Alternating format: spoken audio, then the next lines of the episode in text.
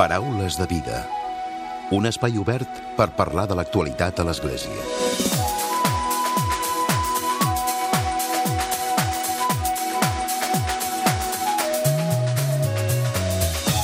Què tal? Salutacions i molt bon dia, molt bon diumenge. Càritas Diocesana de Barcelona ha presentat recentment l'informe Vides Precàries. És un estudi qualitatiu al voltant del treball precari que ha comptat amb la col·laboració de 35 persones ateses per l'entitat. Segons aquest estudi, les persones joves, els migrants en situació administrativa irregular, els majors de 50 anys i també les dones que viuen soles i tenen fills a càrrec són els col·lectius més afectats per la precarietat laboral en tot tots els aspectes de les seves vides.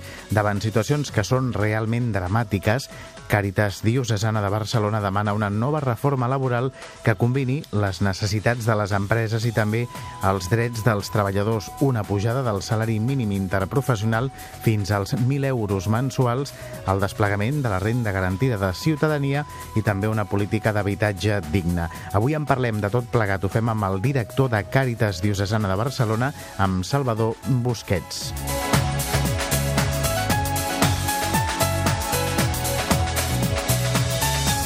I avui també parlarem de la Fundació Pere Tarrés i dels índexs d'inserció laboral de la formació professionalitzadora que imparteixen. Són cursos que són curs i que ajuden de manera molt positiva a persones que poden tenir problemes per trobar una feina estable.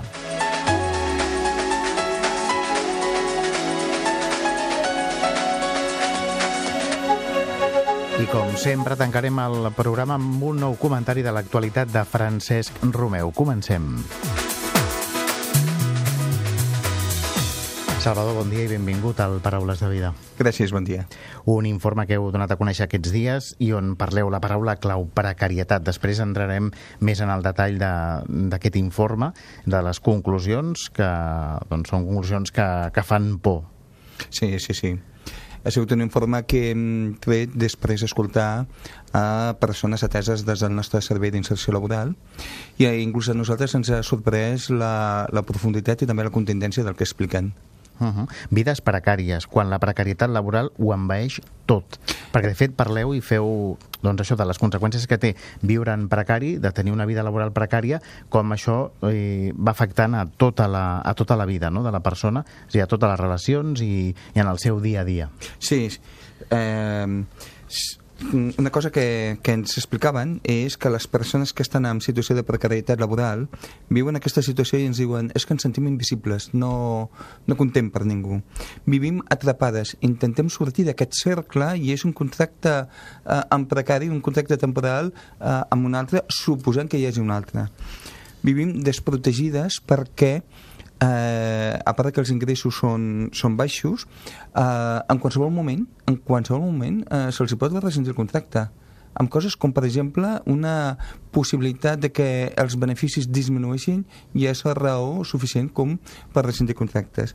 És a dir, que hi ha una vida com molt, molt... Sempre hem parlat aquí, Salvador, sempre que heu vingut de Càritas, hem parlat de la, de la vulnerabilitat de, de les persones, no? Ara aquesta vulnerabilitat és cada vegada més gran, no? Sí, és cada vegada més gran perquè, i això ho dèiem quan explicàvem, quan presentàvem l'informe, eh, s'ha consolidat un fenomen que ens preocupa molt i és el fenomen del treballador pobre. Eh, el treball històricament i de sempre i, a totes les cultures i a tot la, el, el món acadèmic, en tot el pensament ha estat considerat el principal, juntament amb l'educació, el principal ascensor social i al començament de la crisi fa 3 anys alertàvem de que eh, hi havia un, un tant per cent de persones que eren treballadors pobres que tenia un caràcter, diguem, friccional eh, absolutament inassumible però, però que, bueno, friccional i en canvi ara ja, segons l'enquesta de condicions de vida està en torn al 12% i va augmentant. I, I si des del treball ja no pots aconseguir superar la situació de pobresa, en el cas de Càritas Diocesana de Barcelona, el 16% de les persones, el total de persones ateses, que són aproximadament 23.500, el 16% són treballadors que, tot i tenir contracte, estan per sota del llindar de pobresa. I què, què han de fer aquestes persones? O com ho fan? Acudeixen a Càritas? Acudeixen a Càritas, acudeixen a entitats socials i, sobretot, la seva vida és un continu desgast per intentar solucionar el present més immediat sense possibilitat de planificar, d'organitzar la seva vida, amb decisions a llarg termini i a curt termini. Decisions a llarg termini. No es plantegen poder llogar un pis. Si estan en una habitació de relloguer i saben que sempre estan en aquesta precarietat, i clar, des d'una habitació de relloguer et pots plantejar constituir una família? Pensar en estudiar? Encara que tinguis ganes d'estudiar i que tinguis la capacitat, és una cosa que queda fora del, del seu abast. En el dia a dia, suposant, per exemple, eh, eh, joves que tenen fills petits i que no hi ha una xarxa familiar que doni suport, pensar en activitats extraescolars dels fills o de poder anar amb alguna activitat amb ells en el dia a dia. És molt difícil l'atenció eh, als nens petits quan vius amb, que no saps mm, d'aquí 15 dies no saps què, ten, què tindràs a la nevera. Uh -huh. És molt difícil. Quan parlem de treballadors eh, precaris, de treballadors pobres, Salvador, parlem d'un determinat perfil persona sí. jove, persona gran, o, o parlem d'un determinat sou, una quantitat directa de, de sou? Perquè, de fet, vosaltres a la presentació també heu fet una crida, heu demanat que el salari mínim sigui de 1.000 euros, com a sí, mínim, no? Sí, sí, En principi, eh, eh, tenint en compte que el llindar de pobresa es situa en el 60% de la renda mitjana, un salari inferior a 837 euros al mes fa que qui cobri aquest sou eh, estigui en situació de, de, de pobresa. Però el que sí veiem és que la precarietat afecta sobretot a quatre grans grups de persones, que és per una banda la persona jove, els joves, eh, pensem que en aquests moments a Catalunya el, els joves eh, tenen una taxa d'atur al, al voltant del 33%. Per altra banda, la persona migrada, els majors de 50 anys i la dona sola amb fills són els principals perfils de, dels precaritzats. Uh -huh. Hi ha un perfil també professional determinat? Són treballadors de serveis? Eh, hi ha de tot? Bàsicament són serveis, eh, eh, hostaleria, eh, diguem, mm, treballs amb poc valor afegit, en el que, a més, els intents, quan des de les empreses s'intenta eh, mm, professionalitzar, eh, amb ells no se'ls té en compte precisament perquè el seu contracte és molt en precari, és temporal, i llavors no val la pena. Llavors no es tenia en compte la persona. Exacte. No, no, no només això. El que ens diuen és que ells se senten descapitalitzades perquè com que els seus contractes són tan temporals, l'empresari diu no val la pena que invertissi en formació amb ells i van amb uns altres. I això són, és una experiència que algunes persones del, al voltant de 50 anys ens deien. Jo vaig venir i quan vaig començar en el mercat del treball tenia tota una sèrie d'expertesa de, amb alguns temes eh, amb la crisi el meu itinerari professional eh, es trenca... Ha quedat paralitzat, no? I, eh, i el queda paralitzat el, des d'un treball en precari jo no m'he pogut formar i sóc conscient de que cada vegada tinc menys eh, possibilitats d'equiparar-me a qui sí té aquesta capacitat, encara que sigui eh, amb la mateixa categoria professional, eh, la mateixa, el mateix nivell professional. És una tasca que també feu des de Càritas, oi? Ajudant en aquest recorregut laboral, no? Sí, o en sí. aquesta inserció, reinserció al món laboral, no? Sí, de fet, eh, nosaltres, el, el nostre projecte d'inserció laboral, eh, en l'última etapa, que és l'experiència laboral, doncs un dels projectes consisteix en, en un triangle on per una banda hi ha la persona que es vol inserir eh, en el món del treball. Per l'altra banda, l'empresa, que és capaç, a més, de tenir en compte aquestes circumstàncies i d'alguna manera s'adapta, i l'entitat, en aquest cas Càritas, que fa l'acompanyament de la persona per donar tranquil·litat, per donar seguretat i eh, en cas que hi hagi eh, alguna situació no prevista, l'empresa que sàpiga que tindrà a l'altra banda del telèfon una entitat que l'escoltarà i mirarà d'adaptar-se. És a dir, és un triangle. Uh -huh. Aquesta tasca d'acompanyament, segurament, a moltes persones, diguem, universitaris, persones amb... no faria falta, però amb aquests col·lectius sí, i funciona molt bé. I d'aquí poques setmanes aquí ja, ja, ja ho diem eh, en aquest informe no, de la precarietat surt, laboral. uh -huh. surten les dades que prefereixo més eh, des de comunicació de Càritas m'han demanat sobretot pensa que d'aquí poques setmanes farem una nota de premsa i explicarem el resultat d'aquesta experiència que en aquests moments, en moments estem en el quart any. Però que és una experiència molt vàlida i que l'hem pogut fer eh, mm, a partir de l'acompanyament de la persona i gràcies a la col·laboració d'empreses que han posat a la disposició de, de Càritas des de la confiança i des de, eh, coneixement, doncs això, la capacitat d'adaptar-se mínimament i... No sé si l'administració també col·labora amb vosaltres en aquest aspecte, en l'aspecte de formació o d'incloure, ara em ve al cap, per exemple, determinats, i de, depenent sempre de la ciutat, de la, de la població, de plans ocupacionals que fa que gent que potser no accedeix a una feina pugui fer-ho a través del suport públic. Sí, el, el que passa que és limitat perquè no hem d'oblidar que els Quan es mira la lletra petita, públics, no? O potser... Sí, no, ha, ha, ha, quedat molt disminuït. Però en aquest sentit, per exemple, un paper important de l'administració i que val la pena recordar que l'Ajuntament de Barcelona ho té en compte és que en les clàusules de condicions per, per quan surten a concurs determinats eh, serveis es valora el fet de que hi hagi un, un salari mínim de, de 1.000 euros i una contractació mínima de 6 mesos. I són eines per ajudar trencar eh, aquesta roda de precarietat. I perquè no hi hagi aquesta fragilitat, no? És a dir, com sí. a mínim establir un, un determinat temps, no? Sí, perquè a més una altra cosa que nosaltres veiem és, sobretot amb col·lectius, amb persones de més de 45-50 anys que han estat 4 o 5 anys eh, sense treballar, poder treballar encara que sigui 15 dies els dona oxigen per continuar fent. I, I a nivell moral, no? Ja, a nivell moral, és que eh, es trenca una... Això ens ho diuen els experts, eh, eh, o sigui, els, els tècnics que els acompanyen. Uh -huh. Hi ha un moment en què es trenca la idea que ells tenen no aconseguiré. I en el moment en què es trenca, eh, rede, eh, després d'una feina hi ha una altra.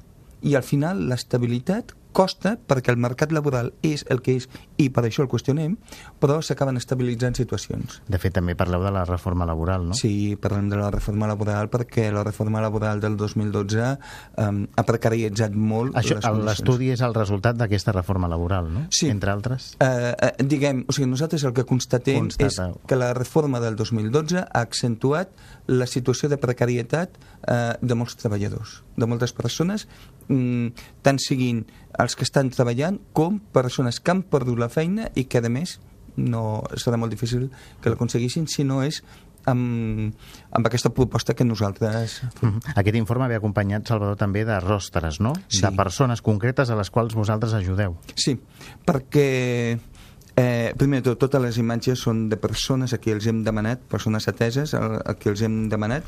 Poder cedir la imatge, no? Cedir per... la imatge i són reals. En alguns casos han costat perquè ser eh, portada, però és una imatge amb molta força.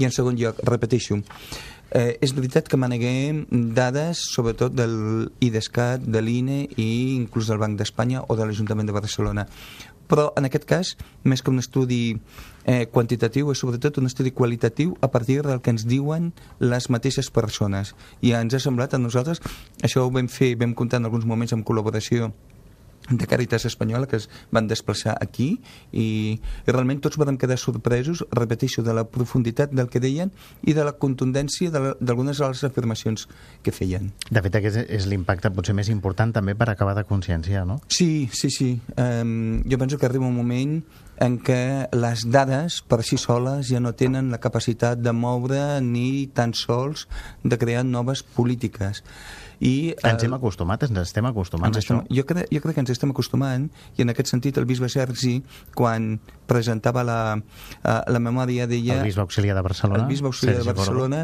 que agraeixo molt que el, el cardenal estava a Roma, estava previst que estigués ell, però el van cridar a l'última hora, estava a Roma i, i ell s'ha ofert.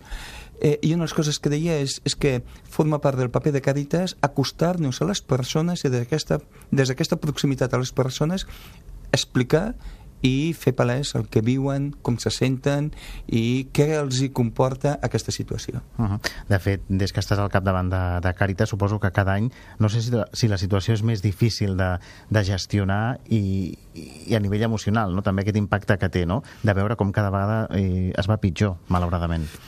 Diguem que, que en tot cas... Tot estem... i que hi ha l'esperança, no? Sempre sí, sí, hi ha l'esperança. Però en tot cas nosaltres el que diem és que no és veritat que la crisi estigui superada. El que diem és que per ser objectius hi ha col·lectius per a qui la crisi, la situació ha millorat i col·lectius per a qui no. S'ha de posar les posar? piles l'administració pública? Sí, però depèn també de l'administració. Normalment les administracions locals, que són les més són properes... les més sensibles? Sí. En canvi, les... A nivell estatal supramunicipals... O sigui autonòmica o estatal, eh, costa més perquè no veuen el problema tan de prop. I això és el que deia el bisbe Sergi. Ens hem d'acostar a aquestes persones. I des d'aquestes persones, des del treball concret, un pensament una mica més global i una responsabilitat personal per veure què, què és el que fem. Uh -huh. Salvador, gràcies per haver-nos acompanyat avui. Gràcies a vosaltres per convidar-nos en tant en tant a explicar i, i acollir-nos. La important tasca que feu. Gràcies. Paraules de vida. Un espai obert per parlar de l'actualitat a l'Església. I com us dèiem a l'inici del programa, avui volem parlar de l'índex d'inserció laboral de la Fundació Pere Tarrés. Ho fem en conversa amb la Sònia Fajardo. Ella és directora de Formació Professional, Inserció Laboral i Acadèmica de la Fundació Pere Tarrés. Sònia, bon dia i benvinguda. Bon dia. Què és, primer de tot, l'índex d'inserció laboral que apliqueu des de la Fundació Pere Tarrés? Nosaltres aquest índex és en relació a l'índex d'inserció que tenen els alumnes nostres quan cursen els certificats de professionalitat. Uh -huh. vale? que estem parlant que és el, bueno, és el 69,63, amb el qual el 70% d'inserció. Vol dir que aquests alumnes acaben trobant feina i ocupant-se en, en allò que han estudiat. Per tant, diguéssim que és un alt índex, no? O sigui, que hi ha mm, que és molt positiu, no? O sigui, la gent que estudia amb vosaltres al final acaba trobant feina. Sí, en aquest cas sí, és molt positiu. En aquests certificats de professionalitat és una formació bueno, molt específica que acredita la persona que pugui assolir unes competències per després poder desenvolupar un lloc de treball. Uh -huh. Llavors és una formació molt pràctica bueno, i que sí que està donant molt bons resultats. En què es basa aquesta formació? Com dius, són cursos que són molt curtets, no? No, no, al contrari. Mira, aquesta formació és una formació oficial que fa aproximadament uns 10 anys que s'estan portant a terme vale? a nivell de Catalunya i fins i tot a tot l'estat espanyol i europeu, eh? perquè són formacions convalidades a nivell europeu, uh -huh. amb, una, amb un reconeixement. I són formacions que el que fan és acreditar que la persona tingui les competències per realitzar un lloc de treball, per ocupar una professió o dins d'una família. I són formacions que venen a ser aproximadament les més curtetes d'unes 300 hores i d'altres que poden arribar a les 700. Uh -huh. I quin és el perfil de, de persones o d'estudiants que, que fan aquests cursos? Sí, mira, aquests cursos nosaltres a la Fundació Pere Tarrés eh, la nostra especialitat és la família de serveis a la comunitat i a les persones, amb la qual són persones que tenen una vocació social o un interès social i el que volen és ocupar-se en diferents mm, professions, ja sigui, per exemple, el tècnic sociosanitari, eh, aspectes més de, de mediació comunitària, dinamització comunitària. Llavors, el perfil és molt variat. Podem estar parlant de nivell que així oficialment es diu, eh, el nivell 1, 2 i 3, i que és en funció del grau de complexitat de, de, de la formació. Per exemple, un nivell 1 seria per persones que tenen uns estudis molt mínims, vale? un nivell 2 seria per persones que com a mínim han de tenir eh, el graduat de l'ESO, i el de nivell 3 és mínim haurien de tenir el batxillerat. Uh -huh. És un perfil en aquest sentit de, de més auxiliar o més tècnic. Diguéssim, per tant, que és també una última empenta per tal de que, de que aquestes persones que, segons la seva, la seva formació acadèmica, tant si és molt universitària o d'estudis de batxillerat com si és la més bàsica, puguin accedir directament al mercat de, de treball, no? Sí, exacte, sí, perquè l'objectiu és aquest, és que sigui una, una, una formació molt específica per poder desenvolupar unes competències en un lloc de treball molt concret. Llavors és tan específic i tan d'actualitat i tan pràctica que llavors eh, està resultant molt positiva uh -huh. en mhm. aquest sentit de la inserció. Ompliu les aules, Sònia? Eh, omplim les aules, però bueno, eh, com també tenim molta formació, no està de més doncs, eh, poder fer difusió a tot arreu perquè es puguin aprofitar aquests programes que són subvencionats, vol dir sense cap cost per la persona. Ah, és a dir, que és cost zero per la... Ah, exactament, sí, perquè són formacions finançades pel, en aquest sentit, seria pel SOC, o també tenim algunes formacions específiques per, també per treballadors, per persones que volen millorar la seva ocupabilitat, i llavors és a través de la subvenció, és a través del consorci de la formació contínua uh -huh. I, Catalunya. I com deies, el perfil és molt variat, però sobretot aquí s'ha de tenir en compte el vostre perfil ja com a fundació, com la Fundació Pere Tarrés, no? d'aquella formació que és més social, que tira més cap a la banda més humanística o més social, no? Sí, exacte, sí. Aquesta és la nostra especialitat i per això és tot el ventall de, de professions que estan al voltant de, sobretot de, de la cura a les persones o de la intervenció socioeducativa, sociosanitària cap a la comunitat social. Sí, és això. Doncs, Sònia, gràcies per haver-nos acompanyat avui aquest matí al Paraules de Vida. Moltes Paraules de vida. Solidaritat i compromís. I tot seguit arriba el comentari de l'actualitat de Francesc Romeu. Francesc, molt bon dia. Molt bon dia a tothom. La setmana passada acabava el meu comentari tot parlant-vos que, en motiu de la memòria de Sant Francesc de Sales, patró dels periodistes, el passat 24 de gener el papa Francesc va fer públic el seu habitual missatge sobre la Jornada Mundial de les Comunicacions Socials, que aquest any se celebrarà ja en la seva 52a edició, i que el papa l'havia dedicat justament al tema de la postveritat i els fake news, amb el títol La veritat us farà lliures, notícies falses i periodisme de pau. M'he mirat atentament aquest text i us he de dir que la seva reflexió val molt la pena i que resulta ser molt actual. El papa francès demana de promoure un periodisme de pau, hostil a les notícies falses, tot dient que l'home, si segueix el seu propi egoisme orgullós, pot també fer un mal ús de la facultat de comunicar. Per contra, en la fidelitat a la lògica de Déu, la comunicació es converteix en lloc per expressar la pròpia responsabilitat en la recerca de la veritat i en la construcció del bé. Insisteix el papa que avui, en un context de comunicació cada vegada més veloç i immersos dins d'un sistema digital, assistim al fenomen de les notícies falses, les anomenades fake news, i per això assenyala el seu desig de fer una aportació a l'esforç comú per prevenir la difusió de les notícies falses i per redescobrir el valor de la professió periodística i la responsabilitat personal de cadascú en la comunicació de la veritat. Després, Francesc detalla què són les fake news, les notícies falses, com reconèixer-les i com defensar-se del virus de la falsedat. L'antídot més eficaç és deixar-se purificar per la veritat, afirma. Per discernir la veritat cal distingir el que afavoreix la comunió i promou el bé i el que per contra tendeix a aïllar, dividir i contraposar. El millor antídot contra les falsedats, reitera, no són les estratègies, sinó les persones. Persones que, lliures de la cobdícia, estan disposades a escoltar i permeten que la veritat sorgeixi a través de la fatiga d'un diàleg sincer. Persones que, atretes pel bé, es responsabilitzen en l'ús del llenguatge. En aquest sentit, el papa Francesc ens fa una crida a la responsabilitat dels periodistes, tot dient que el camí per evitar l'expansió de la desinformació és la responsabilitat. Qui té un compromís especial és el que pel seu ofici té la responsabilitat d'informar, és a dir, el periodista, custodi de les notícies.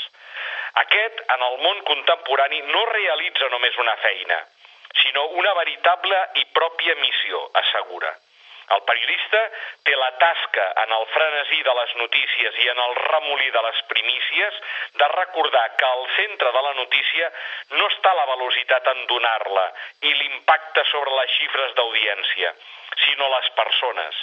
Informar és formar, és involucrar-se en la vida de les persones, afirma Francesc. Per això, la verificació de les fonts i la custòdia de la comunicació són veritables i propis processos de desenvolupament pel bé que generen confiança i obren camins de comunió i de pau, puntualitza. Pel que fa a la proposta d'un periodisme de pau, el papa francès diu que desitja dirigir una crida a promoure un periodisme de pau sense entendre, amb aquesta expressió, un periodista bonista que negui l'existència de problemes greus i assumeixi tons embafadors.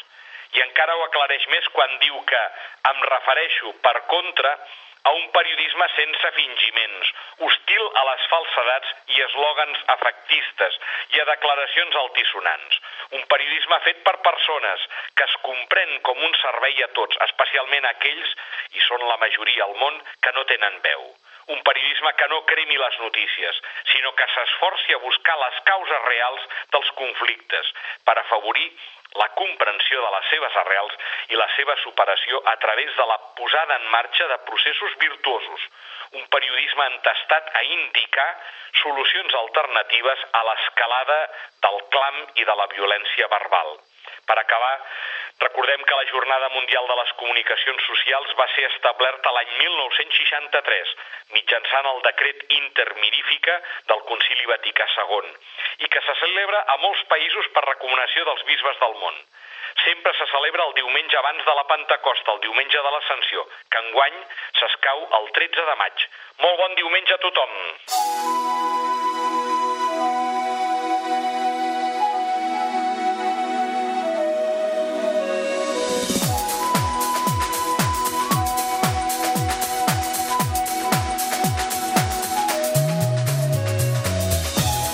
Fins aquí el Paraules de Vida d'aquest diumenge 4 de febrer. En Fran López ha estat el control tècnic i qui us ha parlat l'Emili Pacheco. Que passeu bon diumenge i una molt bona setmana. Us oferim la carta dominical de l'arcabisbe de Barcelona, Joan Josep Omella. Déu vos guard. El proper diumenge 11 de febrer s'escau la jornada principal de la campanya contra la fam del món, una iniciativa que promou Mans Unides, l'ONG de l'Església Catòlica a Espanya per a l'ajuda de promoció i del desenvolupament del tercer món. Aquest dia es farà una col·lecta a totes les esglésies per finançar els projectes de desenvolupament que promou aquesta entitat en els països més pobres del món. Totes les accions de Mans Unides tenen sempre en compte les possibilitats de les persones i de les cultures locals per assumir els projectes. Durant uns quants anys he estat el bisbe responsable de Mans Unides a Espanya i sempre he admirat la seva pedagogia del desenvolupament feta amb realisme i amb respecte a cada situació local. Mans Unides no només treballa per resoldre els problemes de la fam allà on pot arribar amb els seus projectes, sinó que també s'ocupa d'analitzar-ne les causes, així com de crear unes condicions socials que amb el temps puguin ajudar milions de persones a superar aquest greu problema. Amb la campanya d'aquest any es completa el trieni que aquesta institució d'església ha dedicat a la lluita contra la fam i ho fa amb el lema compartir allò que importa. Es tracta de recuperar l'impuls fundacional d'aquesta institució, aprofundir en la reflexió sobre l'escàndol de la fam, sobre les seves causes i les seves possibles solucions. Fruit d'aquesta reflexió, s'han identificat tres causes del problema de la manca d'aliments que val la pena tenir molt present. La consideració dels aliments com a mercaderia que implica valorar merament la seva funció econòmica i la seva qualitat per produir beneficis, deixant en un segon terme la seva funció principal de garantir el dret humà a l'alimentació i a la vida de les persones. 2. L'extensió d'un model productiu a gran escala que compromet la sostenibilitat social, econòmica i mediambiental. I 3. El desaprofitament d'aliments resultat d'aquest mateix sistema de producció i distribució provocat per uns estils de vida i uns hàbits de consum insostenibles e individualistes. Lamentablement, aquest desaprofitament d'aliments repercuteix en la seguretat alimentària i nutricional de tres formes. Una, redueix la disponibilitat d'aliments. Dos, provoca una pujada en els preus que disminueix la capacitat dels més pobres per adquirir-los. I tres, afecta la sostenibilitat econòmica, social i mediambiental. Com va dir el papa Francesc a la seu del Programa Mundial d'Aliments, l'aliment que es deixa perdre és com si es robés de la taula del pobre del qui té fam. Prego a Déu perquè ens ompli a tots el seu esperit sant i encoratgi tots els voluntaris, donants i treballadors de Mans Unides a seguir treballant sense descans per sensibilitzar-nos sobre el problema de la pèrdua i del desaprofitament dels aliments que tants perjudicis provoca als més necessitats i que afecta la sostenibilitat del nostre planeta. Benvolguts germans i germanes, que Déu us beneixi a tots us hem ofert la carta dominical de l'arcabisbe de Barcelona, Joan Josep Omella.